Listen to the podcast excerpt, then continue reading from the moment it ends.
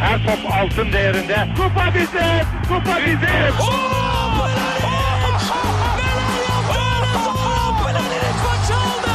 Dengeli de attı. İsabetine buldu. Magna Fontervi. Zora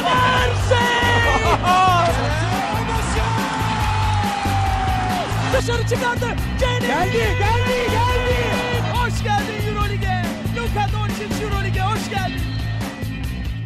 İkili Oyun'un 104. bölümüne hoş geldiniz. Ben Serkan Mutlu. Mikrofonun diğer ucunda yoldaşlarım Ali Aktin ve Tancan Fümen var. Selamlar beyler. Selamlar. Selam yoldaş. Doğum günü kutlu olsun abi.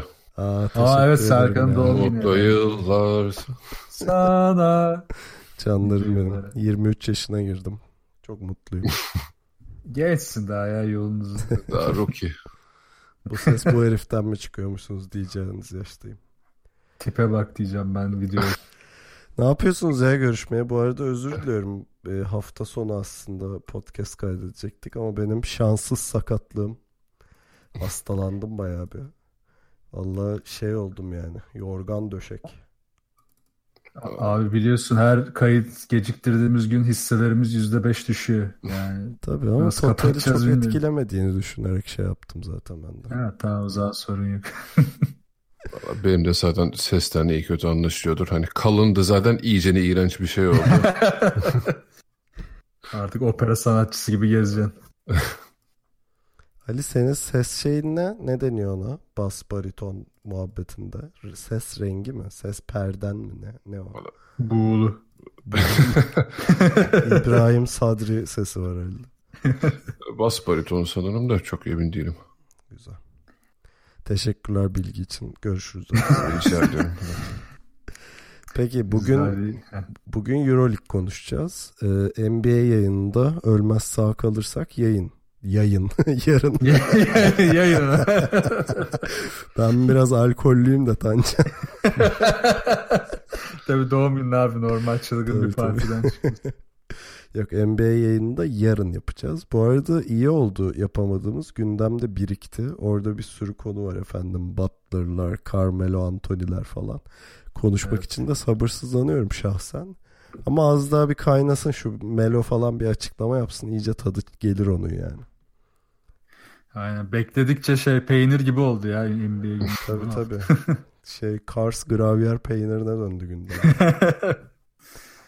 Ama Euroleague dediğim gibi bugün konumuz. Konuşmaya başlamadan önce bize hemen görüş, yorum, öneri, soru falan iletebileceğiniz kanallarımızı hatırlatayım. Web site adresimiz ikiloyun.com, mail adresimiz selam@ikiloyun.com, Twitter, SoundCloud ve Spotify'da ikili oyun takip etmeyi unutmayın. Yayınlarımızın Geek Yapar'ın YouTube kanalından da takip edilebildiğini hatırlatayım. Telegram grubumuza bekleriz muhabbet için. t.me slash ikili oyun ve son olarak her zaman olduğu gibi Tancan'ın mükemmel Twitch kanalı twitch.tv slash Tancan adresinde ikamet etmeye devam ediyor. Koşun ve Tancan'ı paraya boğun. Kanalıma hoş geldin. Kanalına hoş gelin Tancan. Deyip eee, yani biliyorsunuz normalde maçların oynanma sırasına göre konuşuyoruz. Bu minvalde ilk olarak konuşmamız gereken maçı açıklıyorum hazırsanız. Drum roll. Ee, yani çok kısa geçelim. Bayern Münih Darüşşafaka maçı. Yani çok konuşulacak bir şey yok. 116-70 biten bir maç hakkında ne söyleyebileceksiniz merak ediyorum. Çünkü ben konuşmama kararı aldım. Ben geçen hafta söylediklerime katılıyorum. Kendi kendime. Bir dakikalık sessizlikle falan mı geçirsek? Ya gerçekten hiç konuşacak bir şey yok. ya. Ama böyle giderse birkaç haftaya bayağı Ahmet Çakı'ya giydirmeye başlayabiliriz herhalde. Evet. Ali var mı? Bu kadar. Abi ya Bayern şimdi biliyorsunuz bu kadar yüzdeli atmasa çok yüzdeli attılar. Yani öyle böyle değil. Atmazlar dedik attılar Ya, yani. Koponen İdman'da üçüncüyü atana %73 kadar iyiydi. İdman'da %73'lük atamazsın abi bu ne falan. ya abi işin yani her şeyden kötüsü ya Daçkalı oyuncularda şey yok ya artık ışık bitmiş. Maçı oynanırken bakıyorsun yani geçen haftayla biraz şey benzer oldu. Yine bir buçuk e, periyot falan dayanabildi Daçka. İşte Baskonya maçında da öyle olmuştu. Sonrası direkt hani snowball efekt derler yani büyüyerek giden e, olay tamamen ona döndü. İşte dediğim gibi hani oyuncuların suratında zaten hiçbir ışık yok yani. Kenar ben çökmüş durumda. Ahmet Çakı boş bakıyor sahaya. Daha ikinci çeyrekte oluyor yani bunlar yani maç sonunda değil. Yani hiçbir e, inanmışlık yok hiçbirinde. Öyle hani çıkıp elimizden geleni biraz deneyelim. Sonunda da hani yine olmadı ne yapalım artık şeklinde falan geçiyor maçlar. Bana Abi şöyle Ahmet geliyor Çakı- genel olarak söyle. problem. Ahmet Çakı da dahil olmak üzere söylüyorum bunu. İşler kötü gittiğinde ya beyler bir silkelenelim diyecek hiç kimse yok Darüşşafaka'da. O veteranlıkta bir adam yok. Yani buna Oğuz Savaş'ı da katıyorum bu arada. Yani Oğuz Savaş karakter olarak da öyle bir isim değil. O yüzden bence çok acil olarak Carmelo Anthony'yi almalı. Soyunma odasına. Ee, Abi şu dediğine paralel zaten Ahmet Çakı koordinatör gibi ya. Şirkette böyle koordinatör olur ya pek bir şey yapmaz düz adamdır. Hep bütün pro şeye bakar, operasyona bakar. Ne böyle moral verir ne bir şey yapar. Tam o kafada yani. Öyle de takım yönetemez. Çok zor. Ama tabii hani Euro, Euroleague'deki ilk senesi genç koç. Hani hocamızı hemen arabanın altına atmayalım. Ama Yok gene de hafta sonra. e, ge- gene de hani işler boka sardığında ya hadi ne oluyoruz falan diyecek bir bir kıpırdanacak bir şey eksikliği var Darüşşafaka'nın. Şu halde bu isim kim olur onu da bilmiyorum. Yani öyle bir aday da yok. Belki bir Evet. transfer falan yani gerçekten e, bilemiyorum. Şu an zaten takımın hani Euroleague tecrübeli tek adamı şey herhalde Ray McCallum. Onun haricindekilerin hiç tecrübesi yok. John Dibbler Evet. var. Ya hani şey ana parçalardan sayıyorum. Ee, yok yani o da hani öyle o liderlik vasfını alıp sürükleyemiyor takımı zaten. Yani evet hiç iç açıcı gözükmüyor durum. Yani artık bir transferle falan da çok e, bir şey kurtarabilirler mi? O da zor. Yani kimi alacaksın ki? Böyle, böyle takımı ayağa kaldıracak bir transfer falan o da zor gözüküyor. Jordan Theodore'a bakıyorlardı da o işte yalan oldu galiba. Haber yoktu 3-4. Ha ya en fazla işte böyle Langford, Theodore gibi hani sürekli topu elde isteyen ve hani onun etrafında kurulu hani tek o atacak sen de etrafını tamamlamaya çalışacaksın tarzı bir sistemle olabilir de yani yine bu uzun problemlerini falan hiçbirini gidermeyecek tabii ki. Peki O zaman geçelim. böyle geçelim abi. Tamam yani daha fazla kendimizi bunalıma sokmayalım. Umarım önümüzdeki maç düzelir. E, şeyimizde, dileklerimizde yollayalım isterseniz. Hemen Daçka'nın bir sonraki maçına bakıyorum. Umutlanalım mı diye. Evinde Milano ile oynayacak. Hayırlısı. Hayırlısı Cevdet. Kısmet. bunlar zor maçlar. Deyip hemen Onlar da Efes'e iyi başladı yani. Evet onlar iyinin ötesinde başladı ya. Ama ben bunu bekliyordum onlardan. Ee, deyip Efes'e geçelim mi hemen? Artık daha fazla Geçelim kendimizi abi. üzmeden. Peki. Efes Gran Canaria deplasmanındaydı. Ee, zor ve kıran kırana bir maç oldu. Efes sabırlı bir şekilde rakibini takip edip son anda tokadı vurup geçti yani. Ee, ama şunu sistemimizden hemen çıkartalım istiyorum. Allah o salonun belasını versin ya. Büyük Gerçekten rezalet. yani NHL maçı mı oynuyorsunuz, basketbol mu oynuyorsunuz belli değil ve hani en başta şey gibiydim böyle 2-3 kişi kaydı. Ya spikerler de abartıyor mu falan dedim ama sonra baktım hani stance duruşu yapamıyor oyuncular. Ergin Ataman da devre arasında söyledi. Yani iki ayağını yere sağlam basamıyorsun abi şeyde. Evet. E zaten Shane Larkin de sakatlanmış. E, Onu da haberi gelmişti falan. Hani bir sakatlık daha çıkacak diye bayağı korktuk da. Allah'tan Abi olmadı. hakemler bu da nasıl izin veriyor ben onu da anlamadım ya. Çok ciddi sakatlık tehlikesi varken bu maçın oynanması gerçekten ben, ben- bence iptal etmelilerdi. Orada Öyle bir adamın aşırı? Ya bilmiyorum ama bence olmalı yani çok saçma abi ne bileyim hani futbolda falan yani zemin müsait olmayınca iptal edebiliyor ya Direkt hakem. Topu parkede şöyle 2-3 sektirip burada oynanmaz. Böyle Abi şeye, şey- faul çizgisine kömürle şey dökecekler. Top turuncuya dönüyor değil mi? Açık turuncu. Bir yazı da vardı biz tabii hiç dikkat etmedik izlerken de hakemler de zorlanmış koşarken Evet. sahada onlar da kaymış birkaç pozisyonda. Abi biz altyapıdayken böyle dandik sahalara giderdik havalandırması olmayan. Biraz da tribünde 2-3 kişi olunca orası nemden kayma hemen onlar geldi. Nasıl ben ilk başta- ne demişti ya? Üzüme basıyorduk mu ne bir şey dedi bir de. Kuru üzüm falan bir şey dedi. Kuru üzümü. Ee, iki sene önce falan bir şey problemi olmuştu tüm ligde bu reklam alanları çok kayıyordu. Ben ilk maç başında o tarz bir şey mi oldu acaba dedim. Yok abi bütün saha buz pisti Yani. gibiydi. Ya peki Yani- bu hani şeyimizden çıksın dedim. e, Sistemimizden çıksın diyelim ama Efes için en azından iyi bir galibiyet oldu. Hani saha şartlarının zor olduğu, hava muhalefetinin olduğu bir ortamda hani geriye de düşüp bayağı uzun süre kovalamak zorunda olduğu bir maçta hani gene tabii bu sefer 20 farktan falan gelmese de o 10, 10 sayıya kadar çıktı yanlış hatırlamıyorsam. Son 4 dakikaya girerken 10 sayı fark vardı. Ee, oradan dönmeyi başarması büyük başarıydı. Tancan senle başlayalım. Nasıl gördün maçı diye sorayım.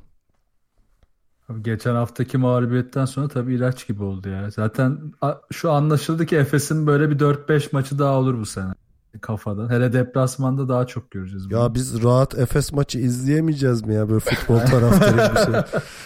Aynen hep gerginlik hep gerginlik. Aslında tam tahmin ettiğimiz gibi kazandı Anadolu Efes. Ya Sezon başında konuşuyorduk ya yani maçın kritik anı geldiğinde bir kişinin üzerine yiyebileceğin çok adam var bu sezon. Geçen sene bu yoktu. O yüzden hani bu bu maçta Simon ortaya çıktı, maçı aldı. Hatta maçı da Misic bir yere kadar götürdü. Daha sonra Simon aldı gibi oldu. Ama ben hala şunu anlayamıyorum yani biz niye Anadolu Efes her maçta savunmanın temellerini yeniden keşfediyor böyle. Ya en basit yardımlar olmuyor. Hala Plyce'da Dunstan dengesi buldu ki Dunstan bu maçta çok erken e, gitti yani. Faul problemine girdi sonra zaten dışarıda kaldı. E, o da olmuyor. Yani bunu nasıl çözeceğiz bilmiyorum. İkinci konuda yani hücumda zaten hala uyum yok. Belli beşlerde biraz daha ısrar etmeye başladı. Ama gerçi Larkin de sakattı ama biraz da iyi oldu belki de bu maç özelinde. Hani bir, belli bir 5 üzerinde biraz daha fazla ısrar edince özellikle son bölümde takım bir nebze olsun bir uyum yakaladı. Da maç geri döndü ama yine de en kilit anlarda çok hata yaptık. Bu hatayı da çözecek kişi genelde hep bir kişi oluyor. Bir kişiyi bulamadık mı da bu hataların hiçbirini çözemiyoruz. Ki hatta hani ben bütün maç şunu düşündüm. Ya Gran Canaria'nın potansiyeli belli. Birazcık baskı yapsak ki Fenerbahçe kadar da beklemiyorum yani Efes tarafında. Birazcık baskı yapsa her şey değişecekti. Zaten o baskıyı son 2-3 dakikada yapıp e, şut o, yani şut yüzdesi o zamana kadar Gran Canaria'nın %60-65 civarıydı ama %50'lerle bitti. Yani 2-3 dakikalık bir oyunla çevirdi aslında Efes Ya maçı. zaten o kadar yumuşak bir maçtı ki. Ben Evet. anlamadım yani herkes faul problemine girdi bir de yani şeyi anlarım böyle kemik sesi geliyordur. Hani kıran kırana geçiyordur faul problemi yaşarsın da niye bu faul problemleri yaşandı onu da anlamadım. Ya bütün maç şey bekledim yani Efes bir yerde tokadı indirecek ve bitecek diye bekledim. Hani bizi son 3 dakikaya kadar beklettiler yani bu yüzden. Ço- oyuncular da adrenalin seviyor. Abi o da pek tokat değil yani Simon'a dua etsinler orada da. Yani o sorumluluğu koyup da aldı maçı. Yani zaten maç başından boyun maç başından itibaren Efes o istediği ritmi hiç bulamadı. Hatta diyordum ya geçen hafta hani sürekli arkadan kovalayan takım halinde Efes bir türlü e, maçı kendi kontrolünde tutamıyor diye. E, bu maç da öyle başladı. Tam da şey çok e, tam kaybedilecek maç havasında gidiyordu yani. Ama maç sonu tecrübesi çok farklı oldu ya. Özellikle o 10 sayı farktan sonra Gran Canaria öyle böyle saçmalamadı hücumda. Yani şey havalarda uçuştu toplar. E, tabii orada biraz daha tecrübesi olan oyuncular, oraları daha iyi oynamayı bilen adamlar Efes'te olduğu için e, orada şeyini gördüler. Ama yani Simon mesela geçen haftaki gibi kötü oynasaydı e, gitmişti bu maç. O da bir gerçek Evet. çünkü savunma zaten bitmişti Efes'te. İşte Dunstan 5-7 çıktı, Doğuş 5-7 çıktı falan. Oralar sallantıdaydı. İşte e, o maç sonu psikolojisini yakalamasaydı Gran Canaria belki de kaybedecekti Efes bu maçı. Zaten bir ara tamamen Oliver'la tutundular maça. 40 yaşındaki adamla yani.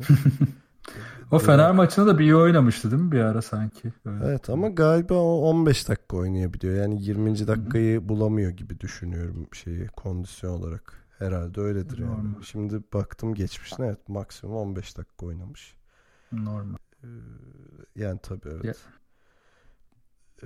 yani benim Efes'te gördüğüm en büyük problem özellikle Plyce oyundayken ikili oyun savunması çok sorunlu. Yani Plyce belki teke tekte çok da iyi niyetli olduğu için iyi savunma yapabiliyor zaten. Yani fiziği var falan ama ikili oyun savunurken hani o top tarafından yardım kesinlikle gelmiyor Efes'te. Ee, bu maçta ayyuka çıktı. Yani şöyle geliyor bana Efes'in birkaç kasedini izleyen o eski tabir var ya. E, hani biraz akıllı bir koç Efes çok kolay çözebilir. Yani e, Dunstan oyunda değilken çok yumuşuyor çünkü takımın şeyi. Çözdü zaten. Hatta bak bu dediğine paralel Ergin Ataman bir molada e, yardımlara çok kızdı. Top tarafı yardım getiremediniz falan diye. Aynı buna değindi yani. Ama zaten Plyce işte screen gelince e, switch yapamadığı için ortayı kapatıyor. Onu da zaten çözdükleri için hemen bir şutörle pike gidip kaldırıp şut attılar yani. Onları da çoğunu soktular belli bir dakikaya kadar. Tabii bu şey savunması var ya işte pick and roll'de klasik bir show yapıyorsun işte elini Hı hı. gösterip dönüyorsun. Ya Plyce onu yapamıyor tabii ki Yani o kadar çabukluğu olmadığı için e, bu sefer ya yayın gerisinden yiyorsun ya da show yaptıysa içeriden yiyorsun. Genelde içeriden yediler yani bu maçta da. Aynen. Ya onu çözemiyoruz işte. Dans ya ikisinin uyumu işte geçen hafta da konuştuğumuz konu. Yani Dunstan'la Plyce'ı çok dengelemeye çalışıyor da zor rakibe göre de zor. Yani Dunstan'ın e, her şey yolunda gitse 30-35 dakika oynayacağı maçlar gelir hele playoff dönemi falan. Bayağı öyle olacak gibi duruyor. Bir de ben şuna da inmek istiyorum. Ben yani sezon başı Ergin Ataman işte Amerika'ya gitti e, Golden State'le çalıştı San Antonio'ya takıldı falan geldi hani ben biraz daha şey bekliyordum. Belli daha oyunları yani belli hücum oyunlarını daha basitleştirir mi? Yani early offense beklemiyorsun ama en azından EuroLeague temelinde biraz daha farklı birkaç şey dener mi diyordum. Yani sezon başında bir iki denedi gibi ama sonra hiç denemedi. Yani screen oyunlarımız çok eski. Hiçbiri çalışmıyor. Forvet'tekiler çalışmıyor. Hala böyle taş devrinden kalma dipten şutör çıkarmaya çalışıyoruz. Onlar zaten hiç çalışmıyor artık. Hemen topsuz switch yapıp yakalıyorlar. Bunlardan ne zaman vazgeçecek Ergin Ataman ya da ne zaman böyle bir orada bir farklılık yaratacak? Bence o zaman Anadolu Efes'in hücumlarında biraz daha uyum ya da hareketlilik işte ya da yüzdeli şutlar görmeye başlayacağız.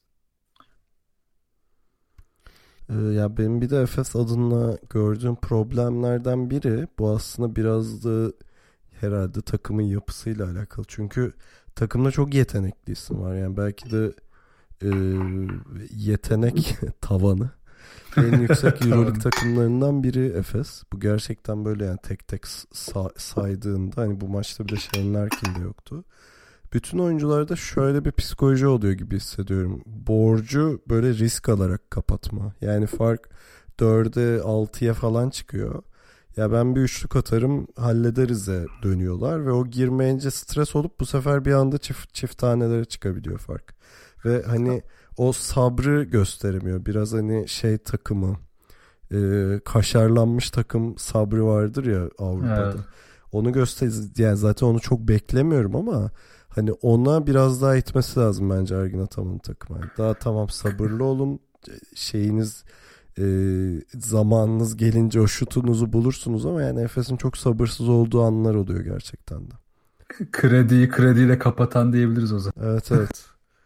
Ee, hani onu görüyorum ama iyi olarak e, hani zihnimde yer eden birincisi James Anderson oldu. Ee, çünkü e, bu sefer şey herhalde Shane Larkin de yok diye midir ya da e, Boboa hani formsuz bir günündeydi diye midir? Topu yere vuruyordu James Anderson. Hiç öyle oynamıyordu çünkü çok uzun zamandır. Hani daha böyle keçen şut tarzı bir oyunu vardı ilk 4-5 maç itibariyle. Bu sefer topu yere vurup içeriği e, denemeye başlayınca o iyi geldi Efes'e o kesin. İkincisi de Ergin Ataman'ın şeyini sevdim. Bu sefer kısa 5 denedi. İşte Mitsic, Evet. Boboa, Simon, e, James Anderson, pivot olarak da Dunstan'ı denediği beşler vardı. Hoşuma gitti. Yani orada çok daha iddialı olup Dunstan yerine Merman'ı denediği falan oyunlar da deneyebilir. Hatta ben bu taktiklerin Euroleague'de çok işe yaradığını düşünüyorum çünkü. Ya savunmada bir de özellikle çok işe yarıyor. Çünkü hele de işte Dunstan'a bir şey olursa bunlar ileride daha önemli olacak. Şimdiden denemek lazım. Ya bir de James Anderson ondan sonra lig maçında da iyi oynadı. Belli ki rolü değişmiş dediğin gibi. Ali sessiz bir çakacak. Tancan yo yo şey bu maç için Şeylan belki de iyi ki yoktu dedi de her gün atan maç sonra belki 4-5 hafta olmayacak dedi. Artık ne olduysa antrenmanda o da ciddi bir sakatlık herhalde. Valla olumlu olabilir ya ben çok üzüldüm. Yani şimdiye kadarki katkısına da bakınca bence çok da kötü olmayabilir. Bir de şey söyleyeceğim gene Efes oyuncularının şeyi Tancan bunu e, söylemişti daha önce de. Yani saha içinde oyunun gidişatına göre planlarını çok değiştiremiyorlar. Yani hep belli bir oyuna bağlı kaldığını düşünüyorum. Çünkü bir sürü pozisyonda şeyi gördüm yani herifler pota altını kullanamıyor. Pardon pota altını kullandığında Efes zorlanıyor. Ama inatla kullanmıyoruz. İlla Ergin Ataman'ın mola alıp söylemesi gerekiyor. Yani saha içinde bu kararları bu arada Simon hariç söyleyebilirim bunu. Simon dışında ya da Mitsic eğer şey değilse morali bozulmamışsa çok fazla alabilecek olgunlukta da oyuncu yok. Belki biraz da oynayarak kazanacaklar bunu ama çok fazla gördüğüm bir şey oldu mesela bu maç üzerinde. Ya çünkü evet, görüyorsun abi. herifler ikili oyun savunamıyor yani Gran Canaria. Hani onun üzerine gitmek için illa mola bekledi her seferinde Efes oyuncuları.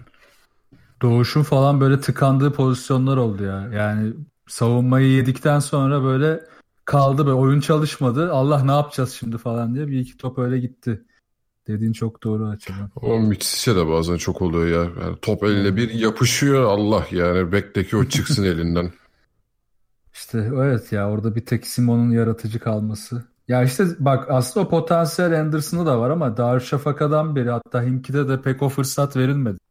Darüşşafaka'da da böyle tam verilmedi. Belki Efes'te bunu kırarsa orada biraz farklılık yaratabilir.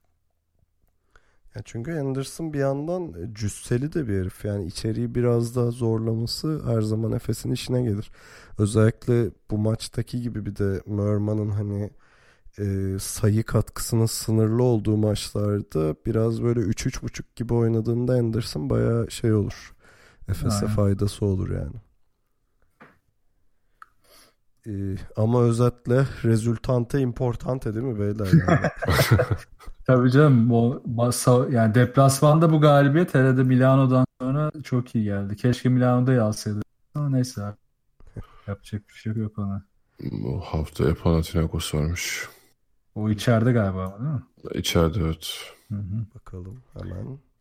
Panathinaikos üstüne Maccabi ve ha çift çift maç haftası varmış. Üstüne de Rüşnifaka geliyor. Evet zorlu maç yani. Maccabi de berbat oynuyor ya. Bakalım Efes'e patlamasınlar. ya ama şu seziliyor artık herhalde. Efes açık açık ben playoff takımıyım dedi yani buradan bir dönüşü zor olur gibi gelmeye başladı. Abi zaten şeye bakınca yani daha 6. hafta maçları oynandı. Üstü alt çok hızlı ayrıştı.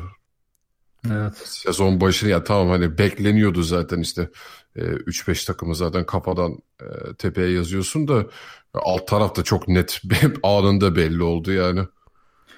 Ya orada sürprizler oldu işte. Mesela Bayern sezon başına göre çok yukarıda şu an. O başlangıca göre. Tabii. Aşağıda Baskonya çok olacak. aşağıda kaldı. Olympiakos. Himki. Aynen Olympiakos, Himki, Baskonya bunlar hep daha yukarıda bekleniyordu. Belki onlar hani form tutarsa ya da değişik olursa biraz daha tabii çekişme artar. Ee, ben Himki'den şöyle bir şey beklemiyorum. Ee, ama Barcelona iyi görünüyor. Ee, hani şey olarak hani çok yakından izlemedim son 2-3 maçlarını ama üst üste 4 galibiyet aldılar. Bok gibi başladıkları sezonda. ee, hani değerli bir şey yani.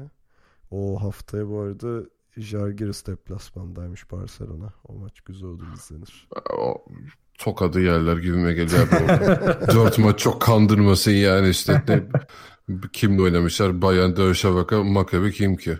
Yani o şanslı fikstürü de biraz iyi değerlendi. Şey, hedef maçlarını iyi almış onlar. e ama işte genel olarak şey yani geçen sene de böyleydi. Bir 10 takım şeyde potada kalıp aşağıdaki 6 takım kendi arasında takılıyordu. Bu sefer biraz da erken olacak herhalde o kopma gibi görünüyor. Çünkü ya ben bir de... Kimki'nin form falan tutabileceğine inanmıyorum yani.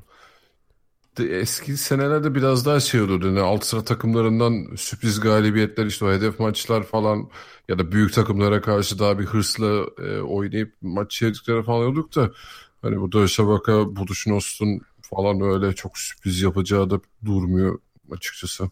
Golden Evet, State evet. ligi mahvetti abi. Ah pardon o NBA'di pardon.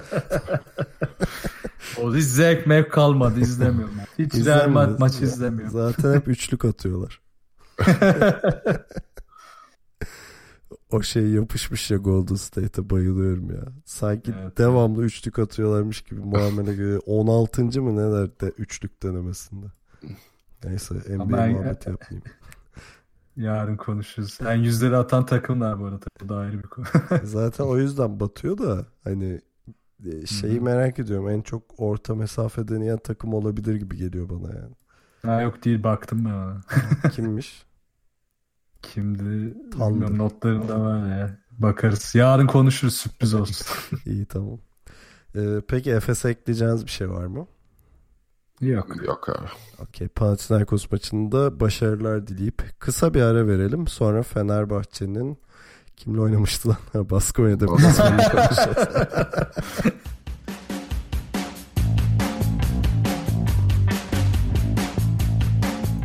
Yıllardır Eurolig'in değişmez eğlencesi Fenerbahçe'nin Baskonya deplasmanları. Ee, işte bu bu iki takımın kaderi baya playofflarda da kesişiyor. Güzel oluyor yani. Mesela geçtiğimiz sene bu e, Kalinic Şengelya gerginliği falan da vardı bir de üstüne. Ee, bir de gene geçen sezon hatırlıyorum baya kıran kırana geçen maçta gene deplasmanda yenmiş miydi Ba- Baskonya'yı Fener? Öyle bir şey hatırlıyorum. Hatta iki sene önce Fener'in Baskonya deplasmanda rezil olduğunu hatırlıyorum Ha, falan. fark yemişti evet. Ee, hep Bayağı böyle sağlam. hikayesi olan acayip maçlar çıkıyor. Bu maç da öyleydi yani benim son zamanlarda hatta bu sezonki Euroleague şeyinde gördüğüm en sert maçlardan biriydi. Yani böyle her reboundun olay olduğu böyle herkesin canını dişine taktığı Şengel falan çok aşırı gazdı yani. Ee, öyle bir maç oldu. O, o, o anlamda çok tatmin oldum. Ee, genel olarak siz de söyleyeceksinizdir diye tahmin ediyorum. Fenerbahçe'nin e, nasıl diyeyim genel hüviyetinden uzak kaldığı bir maçtı. Özellikle ofansif anlamda çok sıkıştığı anlar oldu. Ama galibiyet galibiyettir. Resultante importante haftasında bunlar olur yani. Ee, Ali senle başlayalım. Burada nasıl gördün bu maçı? Abi bu e, senin girişe bir ek yapayım. Bu iki sene önce Fenerbahçe Baskonya'yı Final Four'da yenip e, gittiği zaman orada bir şey olmuştu Baskonya'da ertesi sezon. Hani intikamını alacağız bu işin psikolojisi olmuştu. Hani biliyorsun özel hazırlandılar işte ne bileyim videolar falan çekilmişti maçtan önce falan. Öyle bir olay vardı. Yani o olaydan beri bir şey var. Hani artık bu Baskonya Fener maçlarının da bir hikayesi oldu. Okey. Ee, ama bence hani bu maç için biraz fazla mı abarttılar bu işi ya da ne oldu bilmiyorum ama ters tepmeye başladı artık e, Baskonya'daki bu öyle özel Fenerbahçe'ye hazırlanma işi. E, tamam Fenerbahçe kendi oyunundan koptu okey. Yani genel olarak şey hani basketbol anlamına öf ne maçtı diyeceğim bir maç değildi. Mücadele okey. Ee, o tarafına bir şey demiyorum ama diğer taraftan hani ne Fenerbahçe kendi istediğini oynayabildi ne Baskonya kendi istediğini oynayabildi. Hani çirkin bir maç oldu o açıdan. Hani mahalle kavgasına döndü bir noktada maç. Yok Ama- gayet güzel. Benim şahsen basketboldan beklediğim bu yani. Ee, ne diyecektim lan? Ha. Şimdi Fenerbahçe için bence bu daha avantaj. Çünkü Fenerbahçe bu tarz maçları böyle çirkin maçları tamamen tempodan ko- kopmuş maçları oynamayı çok daha iyi bilen bir takım. İşte bunu işte finallerde, Final Four'larda falan zaten çok fazla tecrübe etti. Yani zaten yani daha tempolu oynamak e, işine gelecek olan takım Baskonya. Tempo olmazsa bu Fenerbahçe'yi çok etkilemiyor. Tabii ki de etkiliyor.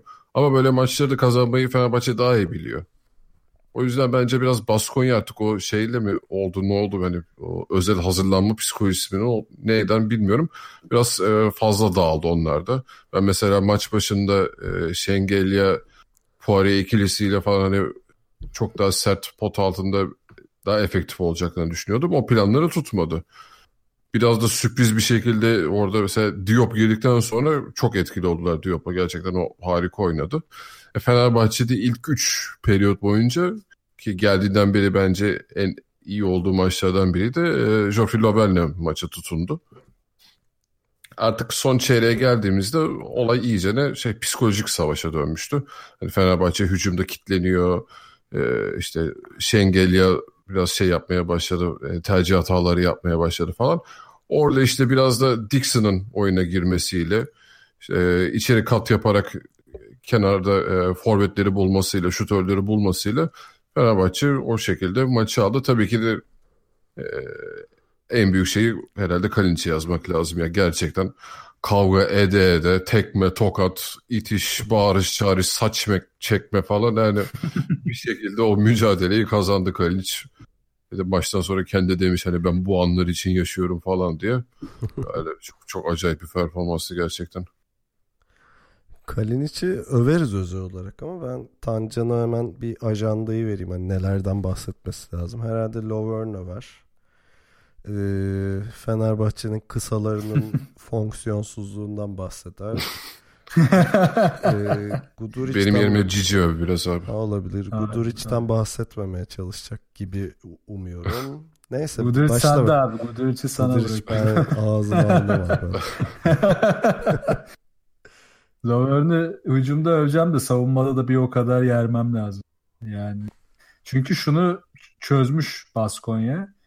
Fenerbahçe ne zaman sallanırsa baskıyı arttırdılar. Yani savunma şey özellikle hücum tarafında işte e, topa baskıyı devamlı arttırıp o sallandığı anlarda vurup üstüne de çok fazla hani zorlayıp e, yani hücumda da zorlayıp Fenerbahçe savunmasını da bozdular. Burada da işte e, Lovern hücumda ne kadar iyi olsa da savunmada da o kadar hata yapıyor. Hala yapıyor yani. Yani şeyi çözemedi. E, hala savunmada roll'da ne yapacak? E, işte yap, atıyorum switch yaptı. Switch yaptıktan sonra ne yapacak? Dipte atıyorum yardıma gitti. Oradan nasıl cover edecek falan. Bunların daha hiçbirini tam çözemedi. O da Obradovic'i böyle hep arada bırakıyor. Ya hücumda iyi ama savunma kötü. E, Wesley alıyor. Wesley faal problemine girdi. Orada yine Ahmet'i aldı. Ahmet de olmadı. O da sıkıntı çıkardı. Bir türlü oranın dengesini bulamadı. Ama Löwer'in bu hücum performansı hele dip çizgide aldığında falan çok efektif. Yani dışarı çıkıp şut atabilmesi zaten ekstra çok iyi. Ya bir o de bir çok, yandan çok pozitif adam. O çok özel bir şey. Evet. Yani gelmiş düşmüyor ve, oyundan hiç. Evet düşmüyor. Kendini ispat etmek istiyor bir yandan ve hani Avrupa tecrübesi var. NBA'deki şeyini zaten biliyoruz falan. Hani bir göstermek istiyor gibi kendini ve bunu tamamen iyi niyetle yaptığı için o çok özel bir katkı oluyor. Hücum, savunma nerede iş yapıyor olursa olsun yani.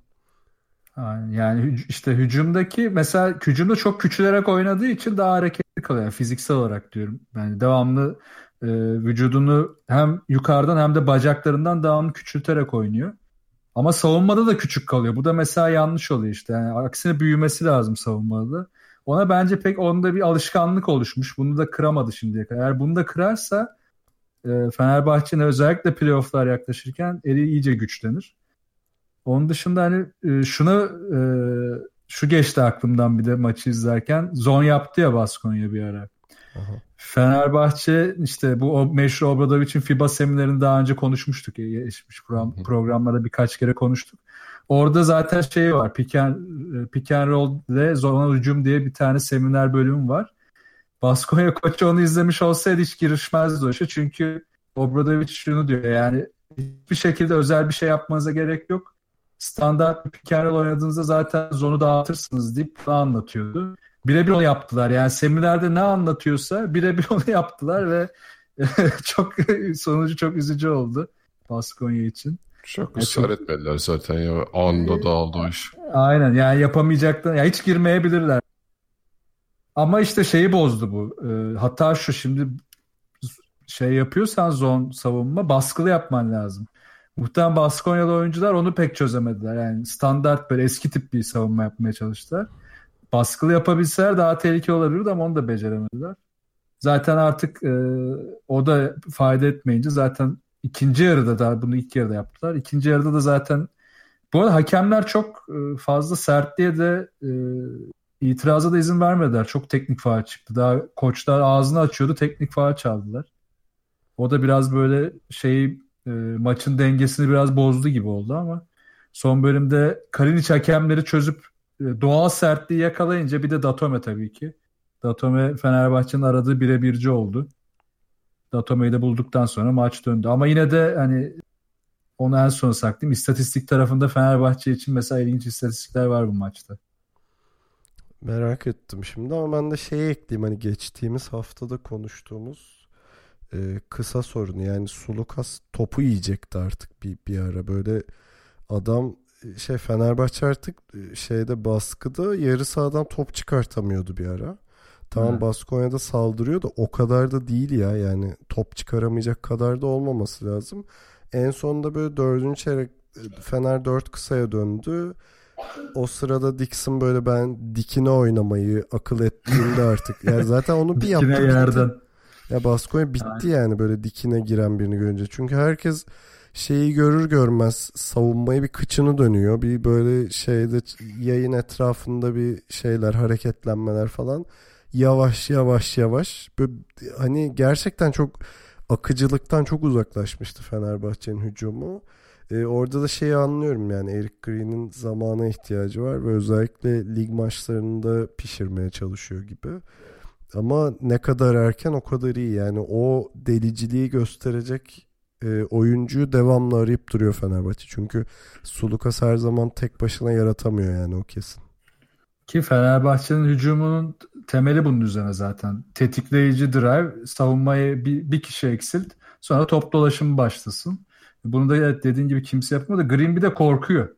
Yani daha şey yok. Belli ki hata yapmaktan çekiniyor daha. O drive'ları da zorlamıyor. Şutu da hani deneyeyim mi denemeyeyim mi çok arada kalıyor en cesur yine Kalinic'te Datom oldu bu seviyede. Onların sayesinde oldu. Ama tabii hani baskı baskı e, baskının o kadar iyi olmadığına değindin. Ben buna katılıyorum bir yandan ama şunu şu var orada işte çok rebound verdi Fenerbahçe. O zaten yani, bahsedeceğim ikinci konuydu. Ha, sen devam et o zaman ben ama oradan. Bu zaten şey... çok rebound verdi. Abi, aynen yani. analiz yok ya. Mucize bekleme yani çok rebound. İşte bu çok rebound verince de çok fazla e, baskıya da izin veriyorsun aslında. Çünkü hem hücum rebound'ı alıyorlar. Hücum rebound'ı aldıktan sonra Fenerbahçe'nin savunma düzeninde yerleşmesinde sorun çıkıyor. Pardon savunma rebound'ı aldığında. E burada bir baskı yaratamıyor Fenerbahçe. Topu hemen rakibe vermiş oluyor. Zaten toplam rebound'da 33-23. Hücum rebound'da 15-7. E Fenerbahçe istediği yani o e, hızlı oyunu da bulamıyor hücum rebound'ı verdikçe. Ki Fenerbahçe normalde evet hani sete yerleşip orada oynayan hani asist üzerinden gitmeye çalışan bir takım ama hızlı oyunu bulsa ki işte birazcık Baskoya'nın savunmasını yıpratabilse yani Obradovic'in ben zannetmiyorum ki 40 dakika yavaş oynayın dediğini. Bunu zaten kaç senedir izliyoruz böyle oynamaya çalışmadıklarını. O da ayrı bir kötü oluyor Fenerbahçe ki şu anda e, Fenerbahçe'de total rebound'da en kötü takım Fenerbahçe şu anda bütün ligde. Bu çok büyük bir sorun. Nasıl çözülecek? Ee, yani belki Laverne'ın biraz kendine gelmesi, Wesley'nin biraz daha faal problemine girmeden oynaması falan önemli olacak. Orada, orada şeyin de etkisi vardı lafını kestim de hani Melli de birkaç maçtır çok formsuz hiç ortalıkta evet. yok. Ya Melli de savunmada bir şeyler gösteriyor evet. Yani belli temelleri yapıyor ama evet hem reboundda hem hücum tarafında çok kötü durumda yani o ritmini kaybetti. Bu maç özelinde de şey demiştim yani hakemler e, çok izin vermedi sertti. Fener şeye baktım ortalama faullere baktım. Fenerbahçe 21.6 faal yapıyor. Lig için düşük bir rakam. Bu maç 26 faal yapmış. Asiste de 22.2 ortalamayla oynuyor. Bu maç 16 asist yapabilmiş. Tam tersinde de turnover 11 turnover'la oynarken 16 yapmış. Yani Baskonya'nın aslında oyun planı vurduğu yerlere baktığımızda çok doğruydu. Ama işte Fenerbahçe'nin de e, çözdüğü nokta işte bu anlarda o doğru birebirciyi bulmaktı. Datome'yi bulduk şimdi. Eskiden Bogdan'ı buluyorlardı. E, şimdi Datome'nin yanına e, Guduric'i eklenmeli deyip Serkan'ı tetikleyeyim. ya ben tetikleyemezsin. Ben Guduric konusunda ruhani bir sakinliğe ulaştım Abi evet. çünkü çok çok kritik cidden yani. Guduric de giremezse kim girecek yani? Evet çünkü şunu yaratıyor abi şimdi Efes için e, az önce söylediğim hani sabırlı olmayı kaçırıyorlar. Fener'de sabırlı olmayının bokunu çıkarıyor bazen. Hani birinin o ateşi yakması lazım hücumda. Hani böyle şey 20 saniye top çevirerek de olmuyor bu iş yani. Ve özellikle Gudur için ben orada çok şey olduğunu, tembel olduğunu düşünüyorum. Tembel ve e, korkak belki de. Korkak. Korkak Ee, abi doğru. Ve yani mesela işte son lig maçını izledim. Orada deniyordu. Yani denemekten kaçınmaması lazım. Ee, bu maçta da 2-3'lüğü girmeyince bu sefer denememeye başladı. Hani tam aksine abi daha çok denemen lazım. Ya bak Carmelo Anthony'ye. Devamlı ondan bahsediyorum. Bak kaç yaşında adam atıyor mu atıyor. Yok gerçekten hani o, o ritmi bulmak istiyor. O zaman bir güveni de geliyor. Hissediyorsun yani ama mesela Bogdan gerçekten öyle değildi. Şimdi böyle karşılaştırmak gibi olmasın. Haksızlık yapmış olmayalım. Ama en azından Fenerbahçe'nin ihtiyaç duyduğu şeyin olduğu çok açık yani. Ya da en azından hani dış atışı da denemiyorsa da içine böyle diklemesine gözü karartıp girecek kısaya. Ve yani e, Bobby'nin yaşı da itibariyle bunu her seferinde ondan beklemek haksızlık olur açıkçası. Tabii. Geçen seneki. Baskonya serisi dedik. Orada Vanamaker'dı mesela son maçı çeviren alan adam tek başına. Burada Guduric onları bazen yapıyor da genelde son çeyrekler akla başına geliyor. Bu maçta da son çeyrekte bir iki içeriye drive verip oradan asist çıkardı işte Lovern'e falan. O işte hani e, tutarsızlık olunca yani sadece 3-5 dakika yapmak yetmiyor bunu. Aynen. Ya bu maçta 18 dakika oyunda kaldı. İki tane üçlük denedi. O kadar. Bak, aslında şey yok. şöyle abi hani 3-5 dakika da yapabilirsin. Benim demek istediğim sahadaki duruşuyla tehlike arz etmiyor abi adam. Evet evet. Hani onu, o önlemi karşı takıma aldırmadığında değerin zaten düşüyor. Benim Guduric'le alakalı derdim bu. Yani Guduric'i e, kar- rakip savunmalar şey olarak tamam bu herifin şutu var ve yakın savunalım olarak kodlamışlar. Oysa Guduric bundan fazlası yani bunu gösterebileceği yeteneği de var. Her şey de var ama göstermiyor. Ben zaten bu yüzden çok kızıyorum. Sevdiğimden yani. Abi aynısını şey içinde konuşuyor. Kalinic içinde. Böyle savunmaları boş bıraktı adamdı Kalinic yani bir ara. Sonra çok daha fazlası olduğunu gösterdi. Artık Guduric için de bir challenge olacak o. Serkan'ın kızmadığı oyuncu varsa sahada te- artık umut yok diyebilir miyiz? Abi Melih'e birazcık kızacağım. Tek bir şeyle alakalı yani her şey değil de. Abi şu fake var ya. Beni, Ya. beni delirtiyor.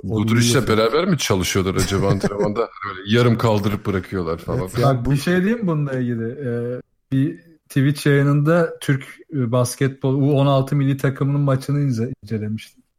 Orada da fake'lerden bahsetmiştim. Yarım saat falan fake yani fake'in önemini konuşmuştuk. Ya gerçekten bizim oyuncular altyapıdan itiba- itibaren fake'i şey zannediyor. Hani yapılması gereken bir şey yani yapıyorsun ama hani işe yarasın yaraması önemli. Sen onu bir yap da bir şeyler olur belki. Onu hiçbir şekilde anlamamışlar yani. Abi çünkü basketbolda artık şeye geldik. Hani pas top sana doğru gelirken pozisyonunu almaya başladığın durumlara geldik. Çünkü oradaki milisaniye sana pozisyon avantajı sağlıyor.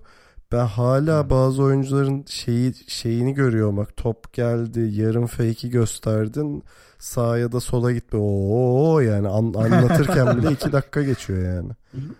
Ya işte Clay Thompson övüyoruz o kadar. Adam tek bir adım fake'iyle savunmasından kurtulmaya çalışıyor. Yani sadece şut da değil bu. Bizimkiler daha şut fake'ini çözemedi. Yani dediğin ondan da doğru. Daha pozisyon alırken fake'i kullanmıyor. Hadi aldı sonra topla fake'i de e, gereksiz ve işe yaramaz bir şekilde kullanıyor. E, geçmiş olsun zaten ondan sonra. Melih'in bir de signature move'u vardır öyle. O yarım fake'i atar. Yarım daireye oraya gider stop eder. Ha, Tabii sağa sola bakmaca falan. Obradovic'in orada renk kat sayısı artıyor. Tabii şey Bob Ross tablosu gibi oluyor böyle. Ya benim NBA konuşasım gelmiş ama bu, bu konuda en takdir ettiğim adamlardan biri Kawhi'dir. Beğendiğim bir basketbolcu. iyi bir adam yani. İyidir ya. Öneririm size. iyidir. Formlu bu aralar. Yo, gerçekten şeyine çok dikkat ediyorum. Pas gelirken yani havada dağılırken e, vücuduyla gideceği yönü artık işaret etmiş oluyor. Yani harekete başlamış oluyor adam. Çünkü Aynen. artık tabii reflekse dönüyor bu oyuncular için de hani oradaki akışkanlığı kesinlikle bozmuyor ve daha top gelmeden başlıyor harekete. Hani yani bunun böyle yüzde beşine falan razıyım ben anladım. Keşke. Başka ekleyeceğiniz şeyler. Valla son iki ay bu şey geçen hafta da aynısını söylemiştim. E, Fenerbahçe Datome'yi nasıl kullanacağını son iki haftadır çok daha iyi çözmüş durumda.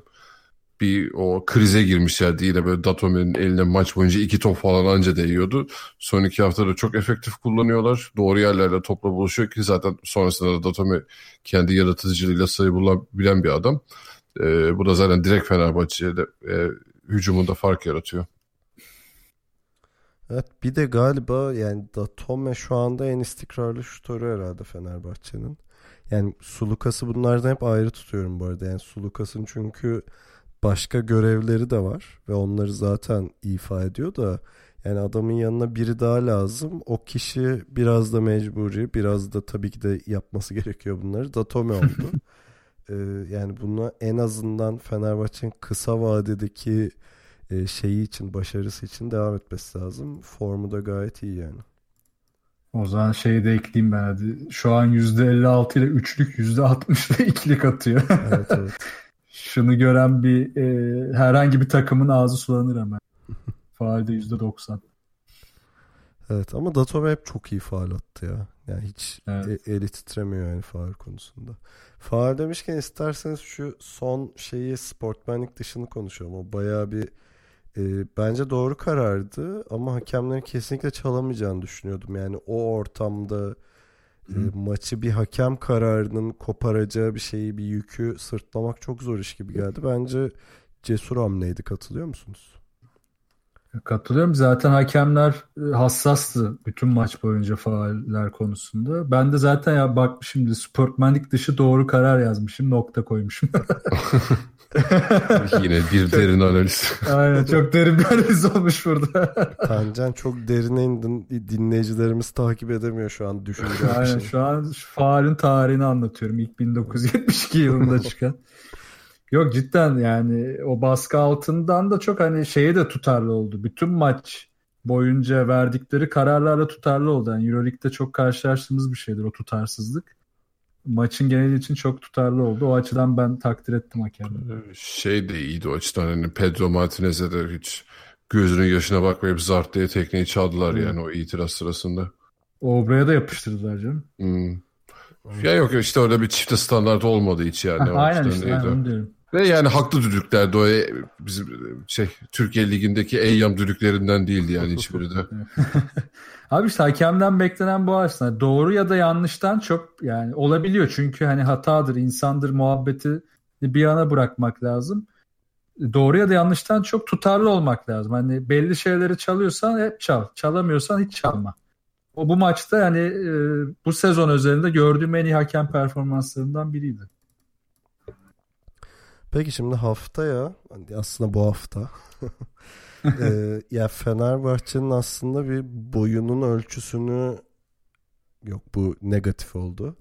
e, e, kapasitesinin limitini diyelim göreceği bir deplasmana gidiyor Olympiakos deplasmanı. Ya şu yüzden hem şey e, sav- şey taraftar baskısı vesaire bir de Fenerbahçe'nin defolarını çok iyi işleyebilecek bir takım ve iyi işleyebilecek bir koça karşı oynayacak. Ee, hani bununla ilgili de bir konuşalım isterseniz. Çünkü bakıyorum son 2-3 haftadaki gidişata özellikle ofansif anlamda büyük sorunlar yaşamaya teşne bir takım ve genellikle de Olympiakos deplasmanları çok iyi değildir Fenerbahçe'nin. Ee, ne düşünüyorsunuz? Kırar mı bu şeyi, gidişi? Gireyim mi? Heh. Gir abi. Ya gidişi kıramayabilir çünkü e, Olympiakos'un durumu biraz da hani fikstür olarak daha zordu Fenerbahçe'nin. Hem CSK ile hem Panathinaikos'la oynayıp kaybettiler son iki maçta. Hatta CSK maçı da hani bayağı kafa kafaya gitmişti. Ben çok detaylı izlemedim. Hani daha böyle yüzeysel baktım Olympiakos'a ama hani genel olarak Blatt'ın oyun, oyuna bakış açısı, Fenerbahçe'yi tanıyor olması ve bu tip maçlarda ee, onun da böyle bir çekişme olarak görmesi Obradovic'e karşı. Hele de böyle giderken çok kritik iki maç kaybetmişken Fenerbahçe'ye e, bayağı bir zorluk çıkaracaktı Olympiakos ve ben Fenerbahçe'nin kaybetme ihtimali çok yüksek olduğunu düşünüyorum o maçı. Yani bence kıramayabilir dediğin konuların hiç, hiçbirini.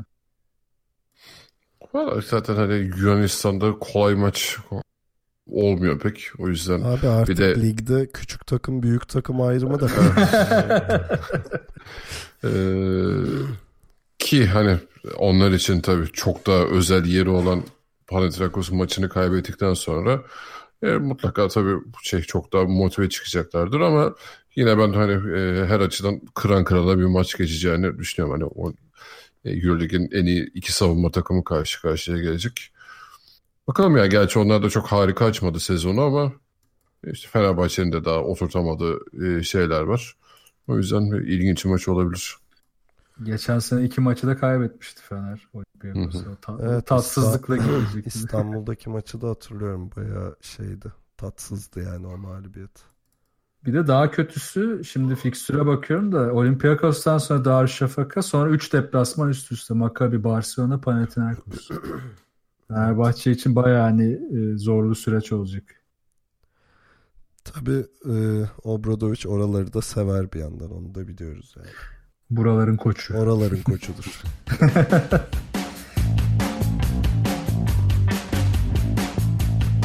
İkili oyunu dinlediğiniz için çok teşekkür ederiz. Ben böyle kısa olur falan Darüşşafaka'yı kısa geçince o kadar uzatmayız diye düşünüyordum. Gene 50 dakika olmuş çenemiz düşmüş yani. Özlemişiz. Neyi Seviyoruz özledik ya. acaba? Avrupa basketbolunu seviyoruz yani. Yani Avrupa basketbolu artık Carmelo Anthony. İlgi alanları. NBA, Evet. NBA yalan oğlum zaten.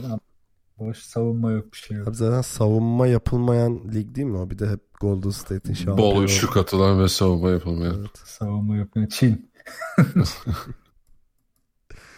Ee, peki NBA demişken şeyi hatırlatayım dinleyicilerimize. NBA yayınımız yarın olacak. Ee, orada bayağı da bir gündem toparladık. Merak ediyorsunuz biliyoruz işte. Carmelo Anthony'dir, efendim Butler takasıdır. İşte e, ligimizin sürpriz takımı Bucks falan öyle şeyler. Ee, bunların hepsini yarın konuşacağız. Bucks konuşmayacağız bu arada. Ee, onu geçen hafta konuşmuştuk. Konuşmuştuk. ha. Evet. İyi takım ama takip edin yani. Şey diye bir adamları var. Antetokounmpo bayağı iyi bir adam o özellikle. Evet. Middleton da iyi ya. O çok şey değil. O, o da fena değil. Geçen sene de o fena değildi. iyi. iyi çocuk. Koçları iyi. iyi çocuk o da. O iyi iyi. Ee, bize görüş, yorum, öneri, soru gibi şeylerinizi iletebileceğiniz kanallarımızı hatırlatayım. Web site adresimiz ikiloyun.com, mail adresimiz selam et ikiloyun.com, Twitter, SoundCloud ve Spotify'da ikili oyun takip etmeyi unutmayın. Telegram grubumuzda muhabbete bek- bekleriz. t.me slash ikili oyun. Geek Yapar'ın YouTube kanalından da takip edilebildiğimizi hatırlatayım. Son olarak Aşk Doktorunuz Tancan Fümen twitch.tv slash tancan adresinde her türlü cinsel probleminizle ilgili size yardımcı oluyor. Onu da gidip Gelin bek. Her türlü platonik cinsellik çözülür. erken boşalma, mastürbasyon merak. Böyle bir şey gibi. Bel fıtığı. Şu an saçım döküldü ve beyazladı. Hemen Evet. şey Fotoğraf çektirebilirim. Haydar Dümen, Tancan Dümen. Yok güzel basketbol şeyi oluyor. Tancan e, görüntünü görüntünü alabilir miyiz? Görüntülü analiz yapıyor musun diye soracaktım. Görüntü veriyorum orada. Görüntülü analiz yapıyor musun son zamanlarda? Ben rastlamadım da. Yaptım. Hatta en son Denver'ın savunma gelişimini konuştuk. Hadi ya hiç Bayağı haberim olmamış. bak. İki buçuk saat falan. Yani her ay en az 100 dolar atıyorum biliyorsun. Biliyorum canım. Çok teşekkür ederim. Çok Evet. sağ ol. Ama izlemiyorum yani öyle bir tarzım var. Ee, yok, Kanalıma gidin, hoş geldiniz. Evet, gidin Tancan'ın kanalına hoş gidin. Ee, peki yarın görüşmek üzere diyelim. Kendinize iyi bakın ve hoşçakalın. Hoşçakalın. Görüşürüz.